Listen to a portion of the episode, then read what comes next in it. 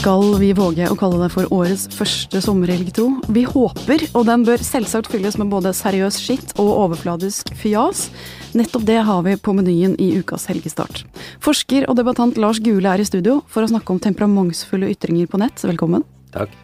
Programleder Live Nelvik er her for å snakke om eh, å stå på scenen foran 100 000 mennesker i VG-lista Topp 20, og hverdagsutfordringer med hverdagskroppen. Hei til deg. Hei, hei. Og programleder og kjendisreporter Morten Hegseth, du har et tips eller tre til alle som lager kjendisreality eller kjendis-TV-show. Har du det fint? Jeg har det fint. Nydelig.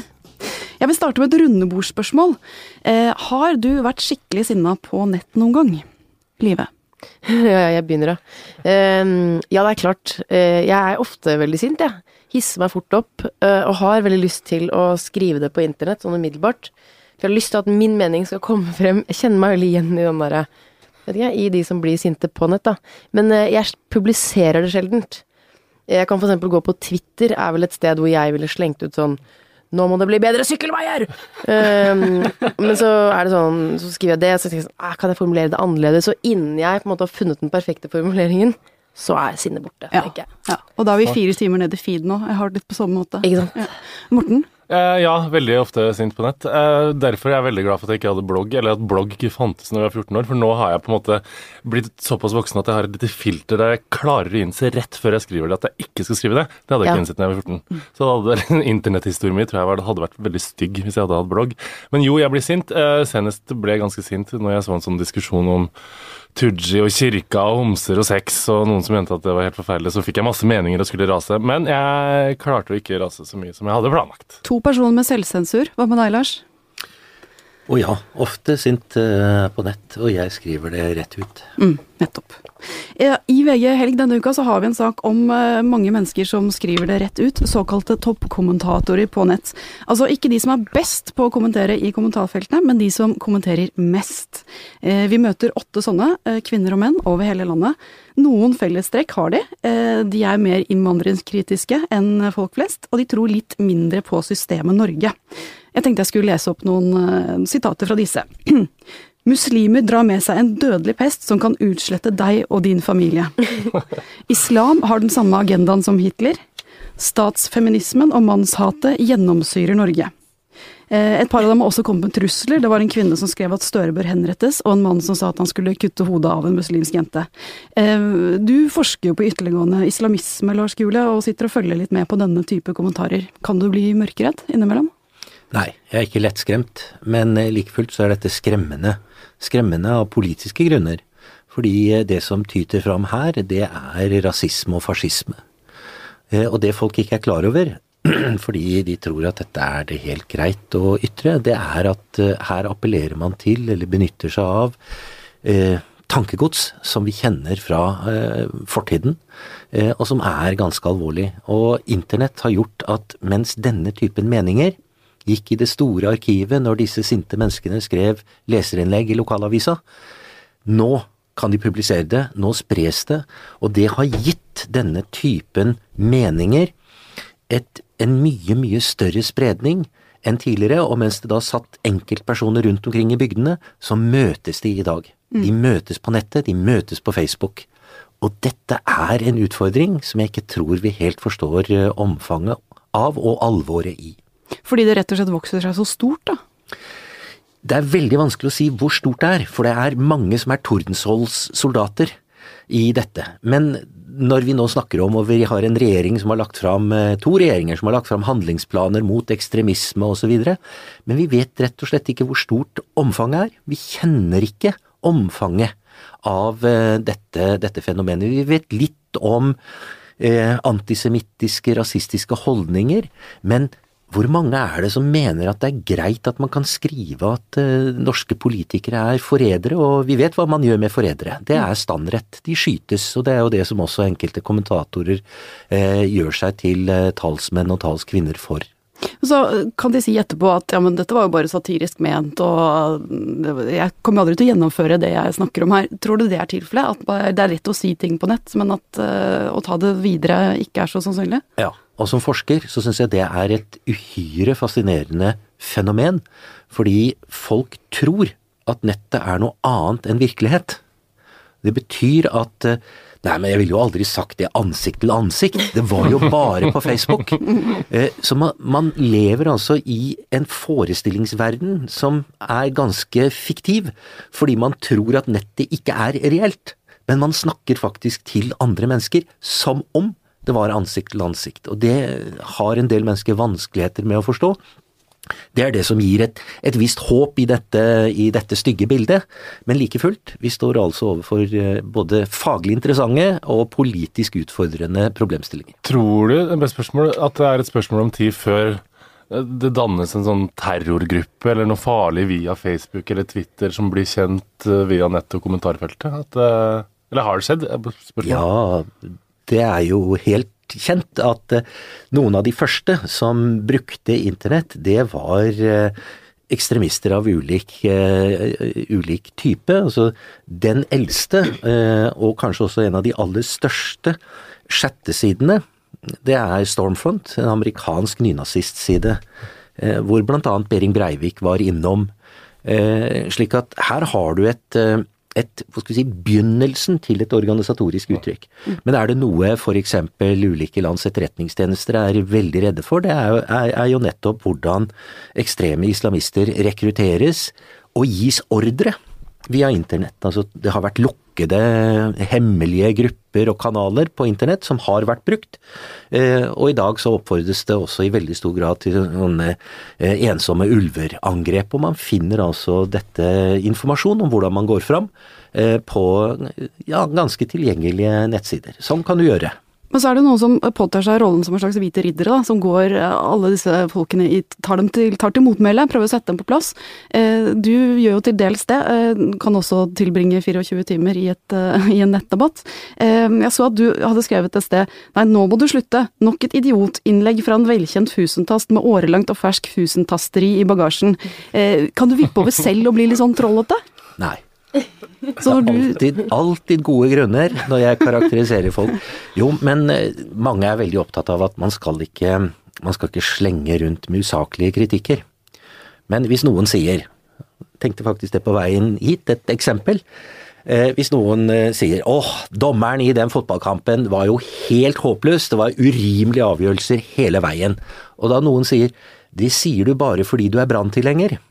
Det er faktisk ad hominem. Det er en personkarakteristikk. Du sier noe fordi du er sånn. Mm.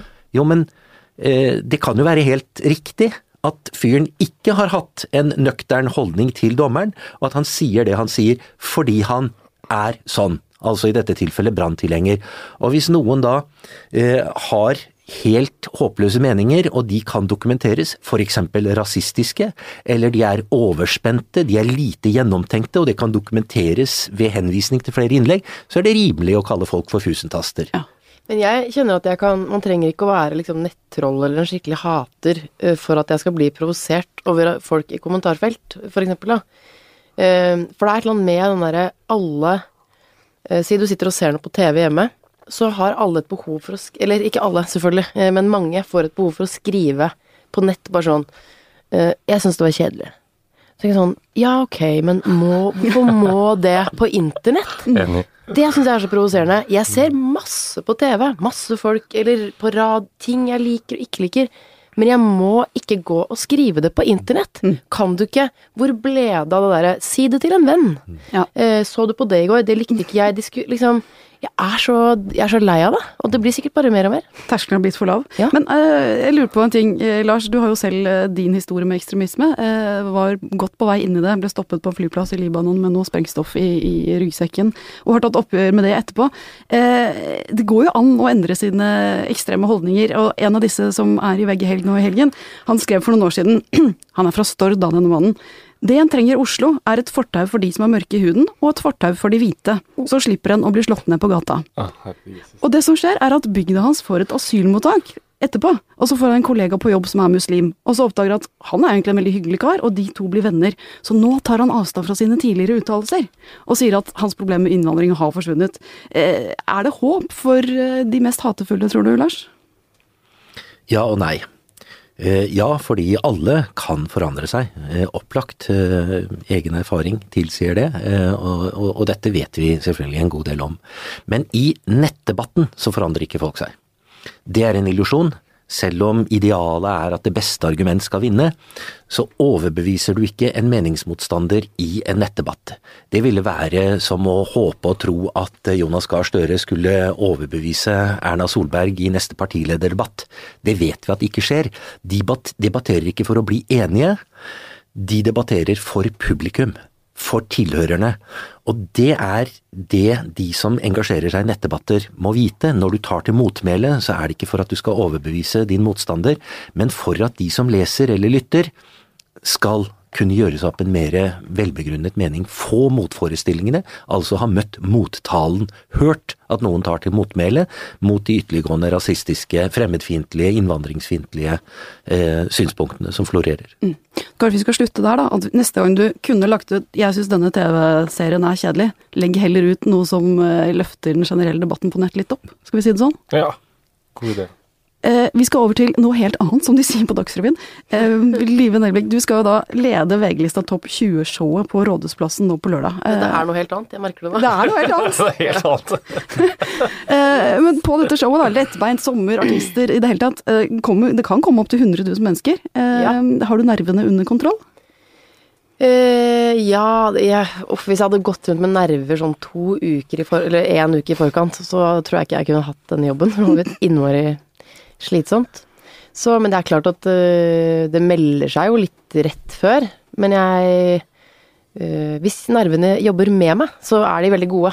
Og jeg har vel ikke erfart at de har jobbet sånn ordentlig mot meg. Gitt meg jernteppe eller besvimt eller Igjen, da kunne jeg vel kanskje fortsatt ikke hatt den jobben. Jeg lurer på en ting, merker jeg. Ja. Skal jeg snakke med din kollega Marte Stokstad, som også har leda VG-lista Topp 20. Hun fortalte det første gang hun gjorde det, så gikk hun ut på VG-lista, og 100 000 folk der. Hun var litt nervøs, og så kom hun ut der, så så hun 100 000 mennesker, og så fikk hun hvilepuls og ble rolig. Og så sa hun det er sikkert noe gærent med meg. Hvordan var det for deg, Hvordan var det for deg første gang du leda VG-lista, kom ut der og så alle folka? Nei, da uh, Det som er litt bra med det, på en måte, er at det er bare et sånt hav av mennesker og et og en sånn lydmur. Altså, det er så høyt støynivå mm. at det er helt ubeskrivelig. Så da blir det nesten vanskelig å forholde seg til. Men hvis det er, er sånn Å, her sitter det 300 mennesker og bare ser på deg, så er det nesten litt sånn mer sånn Nesten litt verre, på en eller annen måte. Ah. Og så er jo de der ikke mm, for å se på uh, Atle Pettersen og meg selv. Det er jo musikken, liksom. Så vi skal jo bare binde det hele sammen. Jo jo, men det kan man jo gjøre på ulike måter. Altså, ja, eh, kommer du til å sitte naken på noe sånn kule i løpet av eh, den sendingen, tror du? Blir ikke det en litt gammel referanse nå? altså sånn i og med at Wrecking Ball, var ikke det i 2013 eller noe sånt? Jo, men vi husker det så godt, vet du. Ja, men så hyggelig, da. det er så deilig å vite at man har inntrykk på folk. Hva er den nye popkulturelle referansen du kunne ha dratt opp på VG-lista? Nei, det er vel Tooji, da. Men så er det jo familieshow, så det er ikke lov. Kle deg ut. Jeg tror vi lar Tooji ligge. Men altså, grunnen til at jeg trekker frem kroppen, da, er jo at uh, i dette fredagsportrettet som vi kan lese med deg i VG uh, ja. nå på fredag, så snakker du litt om Wrecking Ball, fordi vi liker jo å snakke om akkurat den referansen der. Mm. Og så sier du noe som jeg syns er interessant, at det å vise frem hverdagskroppen det er litt spesielt, fordi at eh, hvis du har en kjempetjukk kropp, eh, så er det helt greit å vise frem den og være glad og stolt. Og har du en veldig tynn en, så har du andre grunner for å ville vise den frem. Men hvis du bare har sånn vanlig novemberkropp, da, som du snakka om, da, da er det litt ja. annerledes. Ja, fordi eh, for journalist, journalisten sa først du har jo vært en del naken. Og så tenker jeg sånn, nei, jeg har ikke det. Jeg har vært naken to ganger. En gang på en wrecking ball, og en gang eh, som en tjeneste for noen kolleger. Det er veldig koselig. Godt miljø oppe i NRK. Det var da du var sånn sushibrett? Ja, sushibrett. Ja. Uh, I siste liten, sånn kvelden før uh, Jørn Hoel hadde avlyst. Det var bursdagen til Silje i P3 Morgen, og Ronny var helt desperat. Shit, hva kan vi finne på? Kan du være så snill? Vi tenkte, så hadde de kommet opp med denne ideen, tenkte jeg ja ja, virkelig sånn. Jeg stiller opp. vi stiller opp for dere. Jeg, jeg syns ikke det er så farlig. Tar en for gruppa. Tar en for gruppa, ja. Uh, så det er egentlig de to gangene. Og så erfarte jeg liksom, etter den wrecking ball-greia, eh, så var folk liksom raskt ute Her er vi inne i kommentarfelt, da. Eh, raskt ute med sånn at man tror man er deilig, hun vil bare, vil bare vise at hun er tynn. Eh, liksom Det handlet mye om det derre å vise seg frem og deilig, og så kjenner jeg sånn Jeg blir litt provosert, fordi som sagt, når man er eh, Hvis man har noe ekstra på kroppen, så er det sånn Nei, herregud, så morsom. tør, Oi, oi, oi. Um, mens hvis man er helt vanlig, så er det sånn at man bare skal vise seg frem og være deilig. Og så kjennes det sånn Ser det ut som jeg prøver å være deilig? Jeg sitter jo liksom lutrygga med novemberkroppen min Um, Ja, jeg prøver da virkelig ikke å være deilig, hvis, Men- du, hvis du ser etter, liksom. Men livet er det så veldig smart å kle seg naken og slenge seg på en wrecking ball på TV og gå inn og lese i kommentarfeltene? Sånn? Nei, og det gjorde jeg heller ikke. Men så fikk vi nemlig tilsendt, for da jobbet jeg i P3 Morgen, så fikk vi tilsendt en sånn eh, Et sted jeg aldri er. Jeg tror det var Var det Mammanett eller Mammafo, ikke sant? Sånn derre De er ofte de verste, de. og, og, det, og så forvillet jeg meg inn der, og bare satt sånn og gispet. For der er altså folk eh, så sure, og det var helt sånn derre Jeg har hørt at hun faktisk ikke er så hyggelig. Eh, så jeg. Hvem er du? Kjenner du meg? Nei, det var veldig rart, og, så, men litt gøy òg. Og så har jeg jeg er blitt ganske hardhuda, jeg har jobbet i radio i mange år, og der får man jo tekstmeldinger sånn rett inn til programmet hele tiden. Så i starten så er det sånn derre 'Jeg liker ikke programmet ditt!' Og så blir man sånn 'Hæ, gjør du ikke?' Og tar det personlig og sånn. Og så bare er det en del Ja, det er jo bare masse tekstmeldinger, og så blir man litt vant til det. Men har du ringt dem opp og sagt sånn hei, hei, jeg ser du syns jeg er både teit og dum, eh, og stygg i tillegg. Eh, kan jeg få en utdyping av det? Nei, for jeg, jeg bryr meg ikke, eh, faktisk, da. Um, men innimellom syns jeg det er gøy å bare sjekke sånn Nettopp fordi det ikke stikker, som, stikker noe sted. Så var det sånn kommentar på um, at eh, Atle Pettersen og jeg skulle være programleder på VG-lista. Så er det to kommentarer. En hvor det står sånn Livet er kjedelig. Så jeg sånn Å, så spennende. Hvem er du for en? Så klikker jeg på Facebook-profilen, og så, så, så har han bare sånn åtte bilder av forskjellige elver i Norge. Jeg tenker sånn Ja, ok. Nei, men hvis jeg, en fyr med interesse for elver, syns at jeg er kjedelig, da syns han det. Liksom, folk må jo få mene hva de vil, og det er ikke sånn at jeg forventer at alle skal gå rundt og like meg heller. Nei. Fluefiskerne eh, var ikke din eh, Så det er litt hyggelig hvis fluefiskerne likte meg, faktisk. Det er man heller ikke. Altså, alle, altså, man er ikke kjendis før folk begynner å snakke sånn Nei, men altså, hun er ikke noe hyggelig, hun er så prega av det her livet, og hun er egentlig sur og grusom og sånn. Det sier man jo om alle Ja, ja, ja. kjendiser. ja ikke sant. Ikke bare i livet. Ja. Så, ok, så da er du på en måte på pallen? Da, Ja. er, du, da er du blitt et ordentlig kjendismenneske? Det er enten, du, du, du får ofte på deg at du er kald, og så blir det ofte, hvis du blir kjempestor kjendis, så begynner man gjerne å spekulere i er du homo. Det er ofte sånn. Ja. Det er et uttrykk som sier du er ikke kjendis før noen tror du er homo. Mm. Og da må man komme ut i en kirke. Hvis man, ja, nettopp. Da føler jeg vi har nådd en sånn fin, fin runde på den. Em, til slutt, Live, eh, når du står der foran dette folkehavet, da, i dette støybruset og, på scenen, og bak scenen så liksom koseprater du med artistene, er det noen sjanse for at du blir litt sånn høy på pæra av det? Kan hverdagslivet Altså- virke litt kjedelig etterpå? Uh, nei, og tvert imot. Jeg er helt sånn jo Hva skal jeg si Jo større ting, eller liksom Jo mer sånn type jobb man gjør, jo bedre syns jeg det er å komme hjem. Jeg syns for eksempel eh, i barnehagen og hente Liv, da får jeg skikkelig hvile Liv er min datter, hun er tre. Da får jeg skikkelig hvilepuls. Jeg syns det er helt sånn Åh, komme hjem og Ja, nei, jeg elsker hverdagsliv. Nydelig. Ja. Eh, Jeg har lyst til å ta et spørsmål til, eh, til hele gruppa. Hvis eh, Skal vi danse ringer og vil ha deg ut på parketten som dansedeltaker, eh, hva svarer du da, Lars? Lars, Lars, Lars, Lars, Lars. Hva er Skal vi danse? Slutt. Det er koketteri, det veit du. Nei, Det er kjendiser som jeg har aldri sett det programmet. Ja, men du vet Heller hva det er. Du vet hva det er. Du har lest om det i jeg har lest i avisa at Ja. Carl I. Hagen har danset på TV. Ja, det er riktig. Ja. Ja. Ville du, ville du danset på TV, da? La meg refrasere. Nei, ikke det. Eh, Morten? Uh, ja, Du ville gjort det? jeg tror det. Ja. Det- øh, og det er Med argumentasjonen sånn Jo, men da, for da kan jeg komme i form. Nei, med argumentasjon én. det er grusomt. Uh, like, jeg er glad i oppmerksomhet. Det får man når man ønsker å danse. Og så tenker jeg hadde vært gøy å lære å danse. Uh, tre eh, fin kropp, topp bonus. For en grusom argumentasjon! Unnskyld. Live? Eh, jeg, jeg må faktisk si Du har eh, blitt spurt. Det er jeg sikker på. jeg har blitt spurt. Ja, takk. For jeg har jo ikke vært med i Skal vi danse. Så du mener det gir seg selv, eller skal vi gi en oppdatert versjon? Uh, nei, det er Det er mer kredibelt å si nei, jeg ville ikke gjort Skal vi danse, men jeg ville gjort dansecrew. Det, det har jeg merka sånn Ja. jeg, jeg er innmari glad i å danse, da, og eh, i all beskjedenhet. Jeg er ganske god til å danse, men jeg Det er liksom hele det konsept Jeg vil gjerne danse, men kanskje ikke på TV. Nå skal ikke jeg Mitt dansecrew er i hvert fall litt mer sånn Kanskje litt mer min sjanger. Jeg håper du er noen eh, researchere som noterer ivrig der ute nå. Nei, men, nei, men, eh, åh, nei, men rett før sommeren. Rett før sommeren, ikke sant, så må de lande eh, kjendisene som skal på plass i de ulike showene og reality-konseptene til høsten.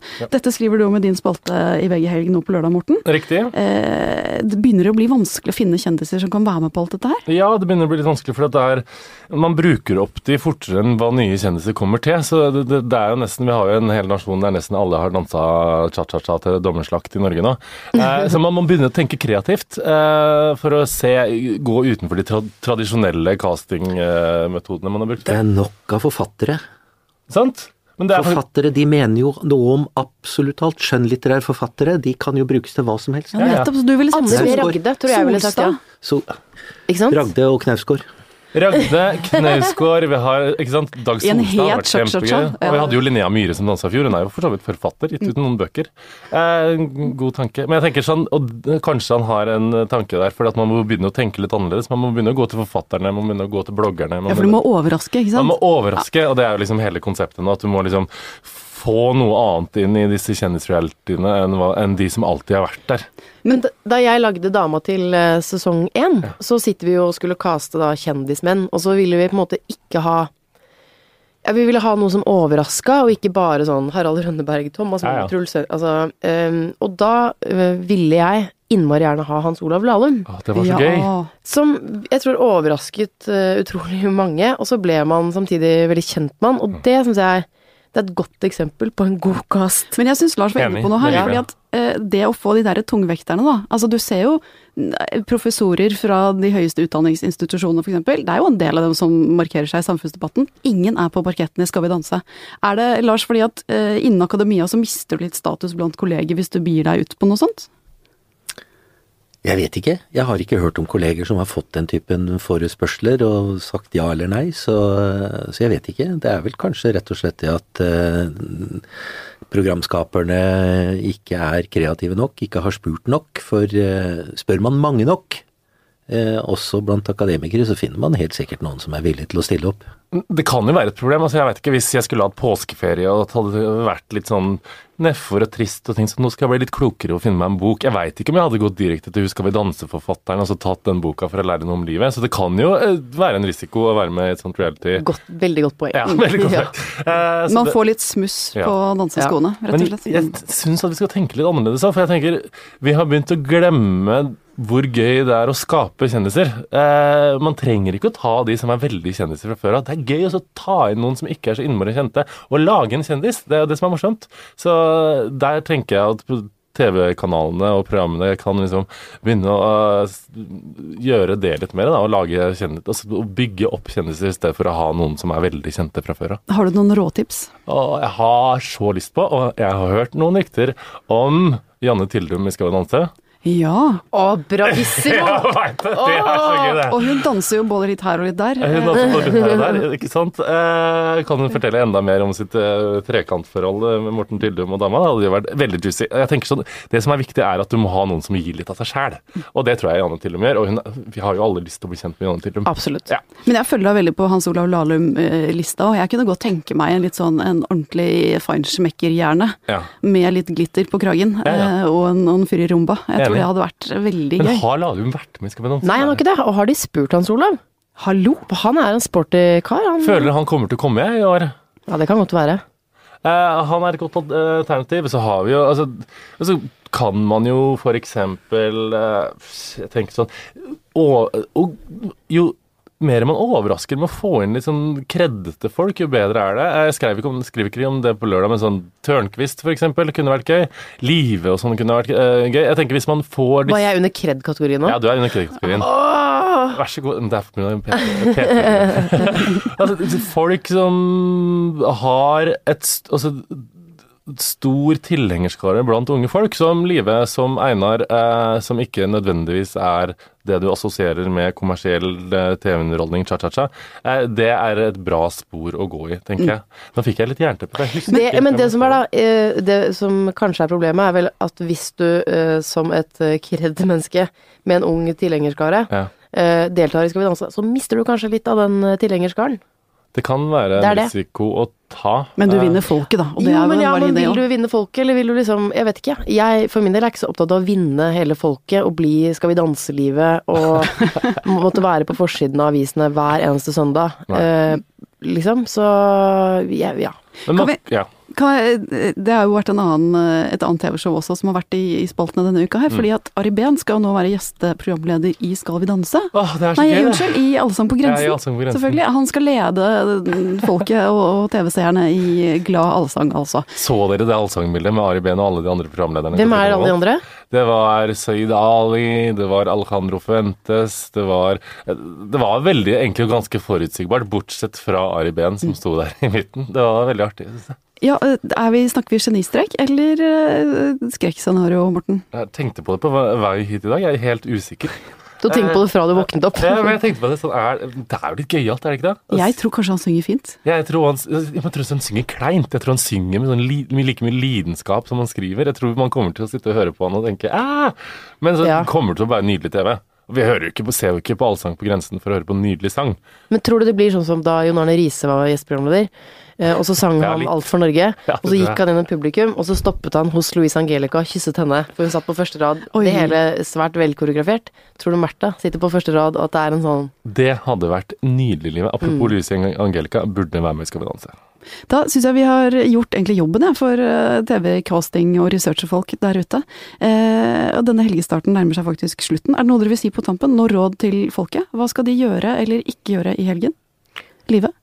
Oi, det var ekst veldig generelt.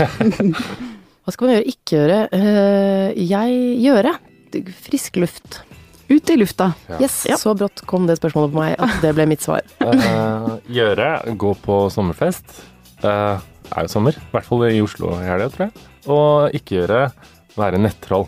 For å Jeg har et tips til. Lese bok. Den boken som jeg leser nå, sikkert lenge etter alle andre, men uh, I Am Pilgrim. Å, Det er en page-turner. Aldri hørt om det engang. Kjempegøy. nydelig sommerlektyre. Eh, Lars? Jeg skulle også si en eh, lese en bok og gå en tur. Eh, Nei, vi er like, Lars. Eh, Men eh, jeg vil da presisere les en fagbok og gå en tur i fint solskinn. Nydelig. Det skal produsent Magne Antonsen og jeg gjøre, alle disse tingene. Eh, og vi sier takk til dere som har vært gjester i dagens sending, og høres neste uke.